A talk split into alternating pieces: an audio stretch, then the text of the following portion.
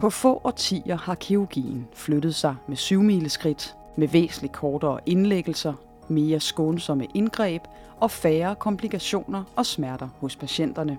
Som chefkirurg, overlæge og professor har Henrik Kelet spillet en hovedrolle for udviklingen af de accelererede patientforløb, også kaldet fast-track kirurgi. Det er ikke en enkel faktor intervention. Det er en integreret indsats, hvor man kobler alt viden omkring den opererede patient ind i en pakke. I en statusartikel og i denne podcast reflekterer han over de kvantespring inden for kirurgien, som han selv har stået fader til. Men han minder også om, at Fast Track er en velsmurt maskine, som skal holdes ved lige, hvis der også i fremtiden skal være hurtige og ikke mindst risikofrie kirurgiske forløb. Mit navn er Mie Brandstrup, og du lytter til Ugeskriftets videnskabspodcast. Velkommen til.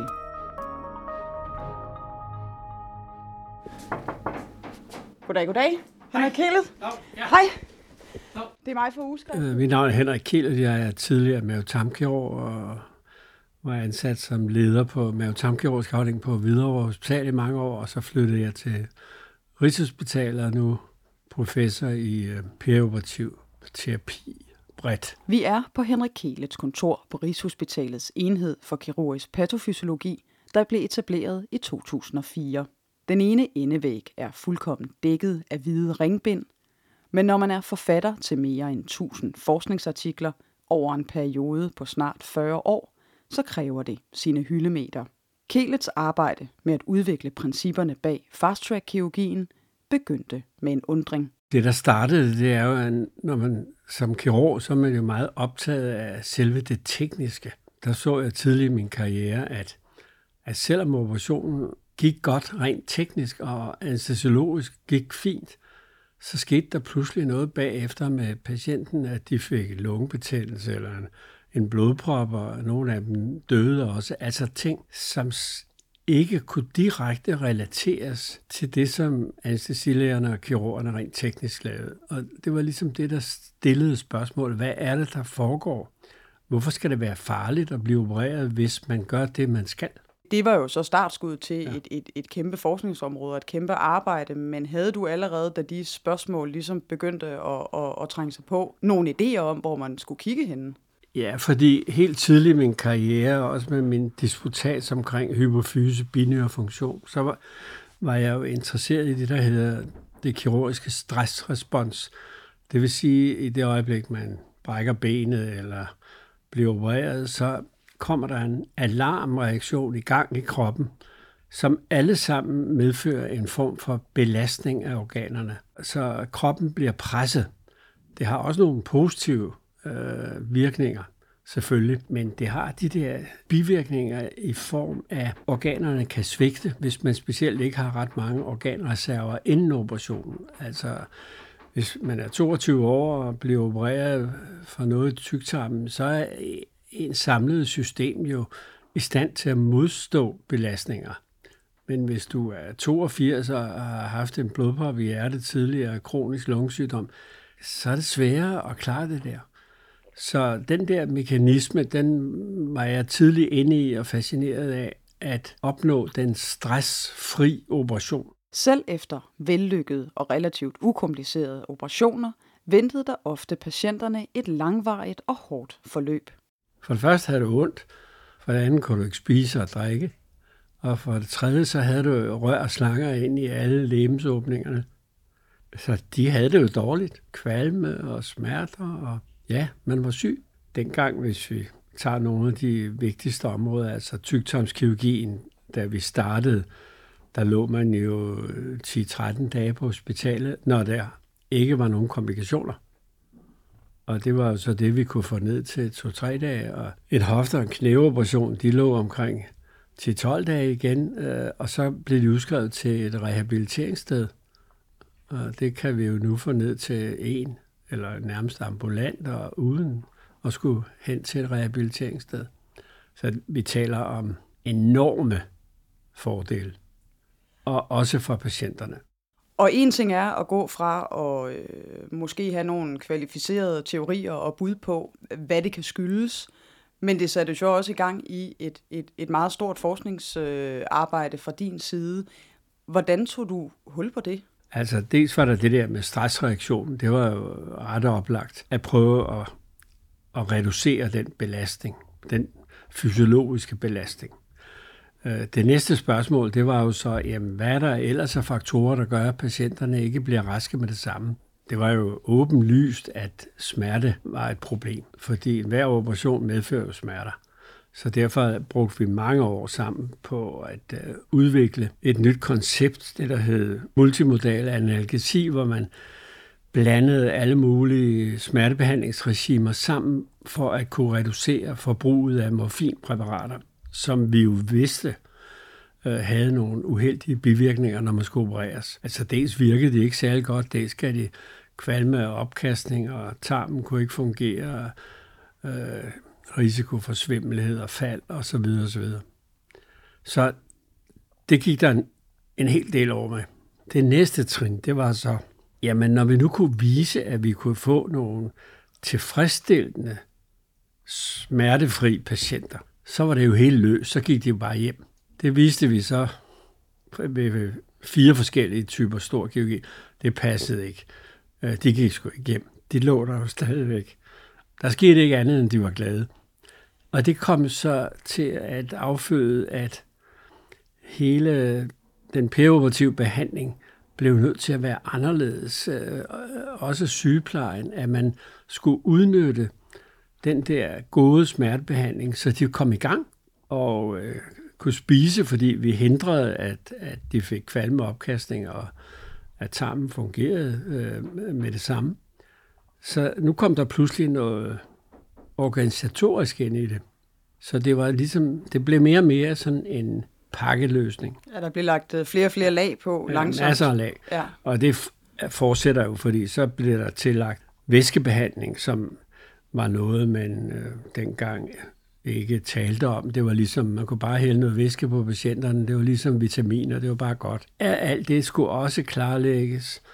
Fysioterapi, øh, forbrug af invasive teknikker, det vil sige øh, blærekatetre, sonder ned i mavesækken og dræn. Altså alt det, som generer patienterne, og som var indbygget i, i, i traditionel kirurgisk behandling. At sætte spørgsmål ved alt det, og så se at få det elimineret. Det er en afgørende pointe, at udviklingen af fast-track-kirurgi skyldes mange forskellige faktorer, der tilsammen giver mere skånsomme forløb for patienterne. Men Henrik Kelet fremhæver alligevel den minimale invasive kirurgi som et af de helt store gennembrud. Det var altså også noget, der flyttede noget. Men interessant nok ikke i sig selv – det var først, da man begyndte at forstå, at fordi man laver det minimalt invasivt, så er det ikke sikkert, at det går så meget bedre. Men hvis man laver det minimalt invasivt kombineret med hele det etablerede fast-track-koncept, så går det meget, meget bedre. Så minimal invasiv kirurgi, det var, det var en af de store øjneåbnere til at forbedre det hele. Plus selvfølgelig smertebehandling. Og gevinsten ved det der minimal invasiv skyldes jo, at selve operationstraumet og såret er jo selvfølgelig mindre. Det kan man se. Og det medfører derfor en mindre stressbelastning, og derfor mindre organbelastning, og derfor mindre risiko for komplikationer. Og endelig skulle tidlig mobilisering af patienterne spille en væsentlig rolle. Hvis du ligger ned, og du er opereret, og specielt hvis du er opereret i maven eller i lungerne, så reduceres din lungefunktion, og så reduceres ilttilbuddet til alle organerne. Det kan vi alle sammen blive enige om er dårligt. Hvis du øh, rejser de patienter op, faciliteret af en god smertebehandling og en ændret sygepleje, så bliver det bedre.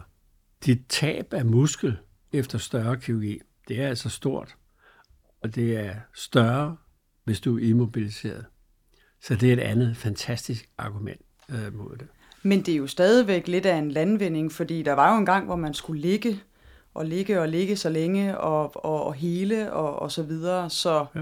øh, så det med at begynde at argumentere for, at, at patienterne også, at det var vigtigt, at de kom op og, og fik rørt sig, også selvom de måske stadigvæk var, var indlagt, ja. tænker jeg vel også er noget, som i hvert fald nogen har stejlet over på et tidspunkt. Ja, fordi det er jo igen at gå imod traditionel øh, tankegang, men igen var ændringen faciliteret af de her fysiologiske undersøgelser, som viste, at ved fast track kirurgi, der tabte du mindre muskelmasse, og ved fast track kirurgi, både i maven og i lungerne, så er lungefunktionen og iltningen bedre, når du er mobiliseret, end hvis du bare ligger og sløver den i sengen. Ikke? Ja. Så det har hjulpet lidt at vende den traditionelle holdning ud fra disse fysiologiske undersøgelser. Det har det.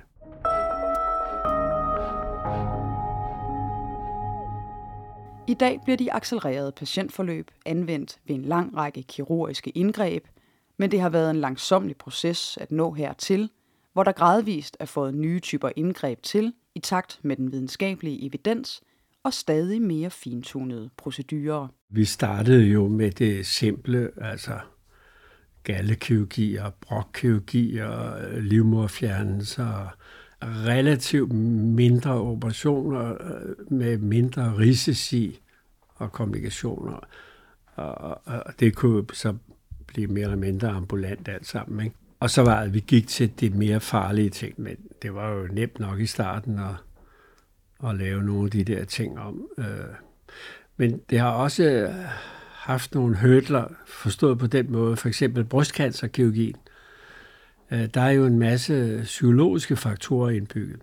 Selve operationen er jo, hvad angår traume og organbelastningen, ikke noget særligt. Men det er jo psykologisk noget helt andet, fordi man mutilerer et menneske.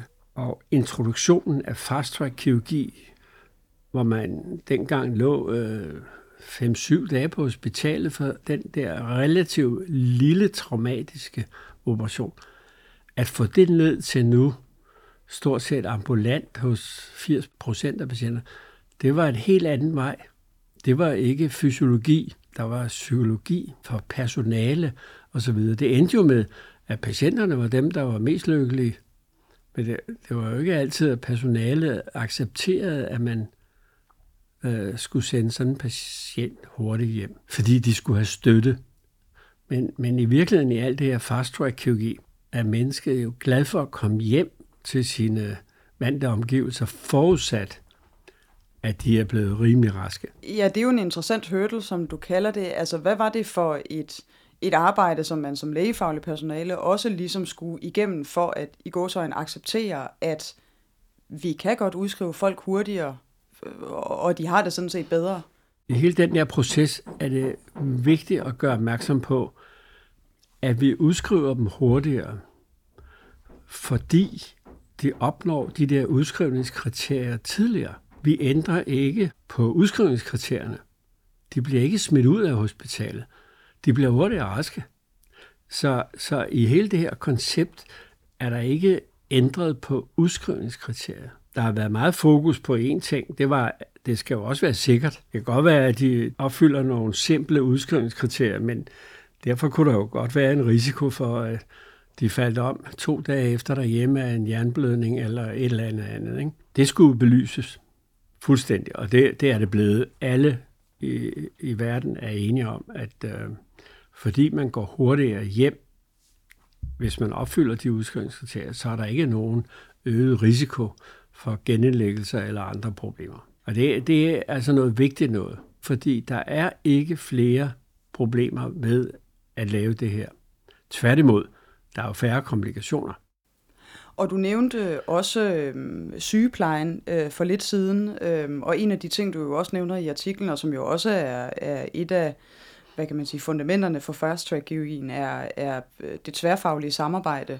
Ja. Øhm, kan du prøve at sætte et par ord på, hvad det har betydet øh, set i lyset af, af, af fast track kirurgien, altså den måde, man man samarbejder på? Ja, det er et virkelig vigtigt spørgsmål, fordi selvom det her er bevist og accepteret verden over, så kommer der den ene rapport efter den anden, at øh, implementeringen af den videnskabelige evidens halter bagefter. Det skyldes blandt andet lige det, du spørger om. Øh, Fast track kirurgi kan kun lade sig gøre, hvis man har det der multidisciplinære samarbejde. Altså, jeg har masser af, af observationer fra tidligere, hvor bare endda en, et enkelt personale kan ødelægge det at gå og fortælle alle de andre, at det her det er forkert, det er skadeligt osv. osv. Så der skal være fuldstændig enighed blandt anestesilæger, kirurger, sygeplejersker, fysioterapeuter, administratorer. Det er altså også en vigtig komponent, komponent øh, for at få det her til at spille. Og, og det, er, det er svært, fordi øh, sundhedsvæsenet er trods så meget videnskabelig evidens stadigvæk præget af en form for anarki. Altså at øh, hver person har sin forudfattede mening om, hvad der er godt og skidt. Øh, fordi det er jo øh, behandling af mennesker, det er individuel pleje, det er patientorienteret pleje, og det er altså noget farligt noget, fordi hvad bygger det på? Det skal jo bygge på videnskabelig evidens. Hvis man giver løs og, og lader hver enkelt tage stilling til, skal du, skal du have mad, eller skal du ud af sengen, eller skal du dit eller dan, så flyder det. Så det er noget med at holde sig til de meget klare øh, retningslinjer, der er kommet ud af en masse evidensbaseret forskning i forhold til, ja. hvordan sådan et behandlingsregime skal se ud under ja. fast-track-kirurgi. Ja. Men alting er ikke sort eller hvidt. Patienterne kommer så jo trods alt øh, lidt forskelligt hurtigt. Og det vigtige i det der multidisciplinære samarbejde, det er så at sikre sig, at hvis man ikke gør det, man er blevet enige om, så skal det argumenteres. Altså man kan ikke bare deviere fra behandlingsplanen, øh, bare fordi man synes det, men man skal anføre hvorfor. Det sikrer, at det der subjektive aspekt i behandlingen øh, bliver reduceret. Men, men, men det skal man jo indimellem, fordi alle patienter kan naturligvis ikke følge fuldstændig den samme plan. Og hvad er det så, det er vigtigt, at øh, der er vægt på i forhold til, til det her samarbejde faggrupper i, øh, imellem for, at et, et fast-track system på et hospital, på en kirurgisk afdeling, skal fungere optimalt? Det er et, faglig ledelse. Det er virkelig vigtigt. To, at man viser data. Man informerer om, hvad der foregår. Og det kan også faciliteres af videoer, som viser, hvordan patienterne er. Det kan også faciliteres af data, hvordan det går efter udskrivelsen. Og netop fasen efter udskrivelsen og patienternes rehabilitering er det næste store forskningsområde, Fast Track 2.0. Det hedder Enhanced Recovery nu på øh, engelsk. Ikke? Og recovery, det er altså ikke hospitaliseringsbehov. Det er at komme sig. Og vi har været alt for fokuseret på hospitaliseringsbehovet. Men det var klart, det, var, det må være det initiale. Men nu går alt, specielt også vores forskning ud på, hvad sker der efter udskrivelsen? Men det hedder jo altså en health recovery, så vi skal koncentrere os mere om, hvad sker der i den tidlige periode efter udskrivelsen funktionelt, psykologisk med de her patienter, øh, hvor vi jo bruger tonsvis af kroner på rehabilitering uden rigtig at vide, hvad vi skal gøre. Så det, det, er, det er fase 2 af fast track kirurgi. Ja, enhanced ja. recovery, som du siger. Er der, nu nævnte du jo nogle forskellige faktorer, øh, der kan ja. gøre sig gældende. Er der nogle øh, særlige områder, som du tænker står først for, som, som man bør kigge på? Ja, det første er at få lavet flere af de her studier, som, hvor man måler, hvad patienterne laver og kan. Og når de er kommet hjem. Når de er, når de er kommet hjem. Ja. Øh, og og der, der er relativt få øh, studier. Dem skal, det er det første, at vise det og skabe opmærksomheden, fordi alle var jo så glade over, at de kunne udskrives hurtigt og havde færre kommunikationer. Og de her studier, de vil så danne baggrund for en ny indstilling til rehabilitering. Fordi det er igen multifaktorielt, altså nogen vil gerne og kan hvis de bare får noget ordentlig information om, at de må, og de må lave hvad som helst. Øh, og så er der nogen, der er så medtagende inden operationen, at de kræver en enorm indsats til rehabilitering. Og så er der altså desværre også en mellemgruppe, som af forskellige årsager ikke har initiativ eller mulighed for at komme sig ordentligt. Ja, ressourcer også. Ressourcer, ja. ja. Altså selve konceptet til at begynde med var svært øh, og multifaktuelt, men hele det der efter udskrivelsen, det er mindst lige så svært. Du beskriver jo også i den nyeste statusartikel de her sådan ultrakorte forløb, øh, ambulante operationer osv. Du skriver, at, at, at sådan i sin reneste form må det vel et eller andet sted være, være slutproduktet i, i, i fast-track-kirurgi. Kan du sidde med en bekymring for nogle gange, at det måske også går for hurtigt i forhold til de ting, vi har talt om, at det er altså en fin maskine, der skal køre med utrolig mange ja. komponenter, ja. mange faggrupper osv.? Ja. Det er, som du siger, altså et al kirurgi, det finale endemål, det må være, at man kan lave det ambulant. Men det er jo, det er jo lidt for vild, vild en tankegang på en måde. Altså, tænk på en hjerteoperation eller sådan noget. Ikke? Men det har jo vist sig, at det kan lade sig gøre inden for mange operationer. Altså nyrekancerkirurgi, øh, tygtarmskancerkirurgi, hofter og knæ, det er jo, det kan jo lade sig gøre i sådan et system som det danske sundhedssystem hos cirka 15 procent af patienterne, har vi jo vist. Så det er den ultimative udvikling, men det der er problemet, på grund af succesen af Fast Track, så er der mange kirurger, der er, som jeg ligesom kalder dem, kirurger, nu skal de fandme vise, at vi kan gøre det endnu bedre. Og det er en risiko. Fordi formålet med fast det er at opnå den smerte- og risikofri operation. Og hvis man skal hjem samme dag efter en stor operation, så kræver det store materialer at vise, at det er sikkert. Og det nytter ikke noget at sige, at jeg har lavet øh, 17,5 ambulante operationer i et eller andet stort. Og det var fantastisk. Men du kan ikke udtale dig om sikkerhed på, på få patienter. Derfor er det for Henrik Kielet vigtigt, at dokumentation og vidensdeling hospitaler og regioner imellem også fremover er en del af kernen i fast-track-kirurgien. Der skal værnes om det store og brede evidensbaserede arbejde, både i den kliniske hverdag og i forskningen. Ellers risikerer man, at de centrale principper om en multimodal tilgang eroderer. Hvordan er det i en del af landet med implementeringen af fast track versus en, en anden del? Altså, det er jo et forsømt område. Det er jo utroligt.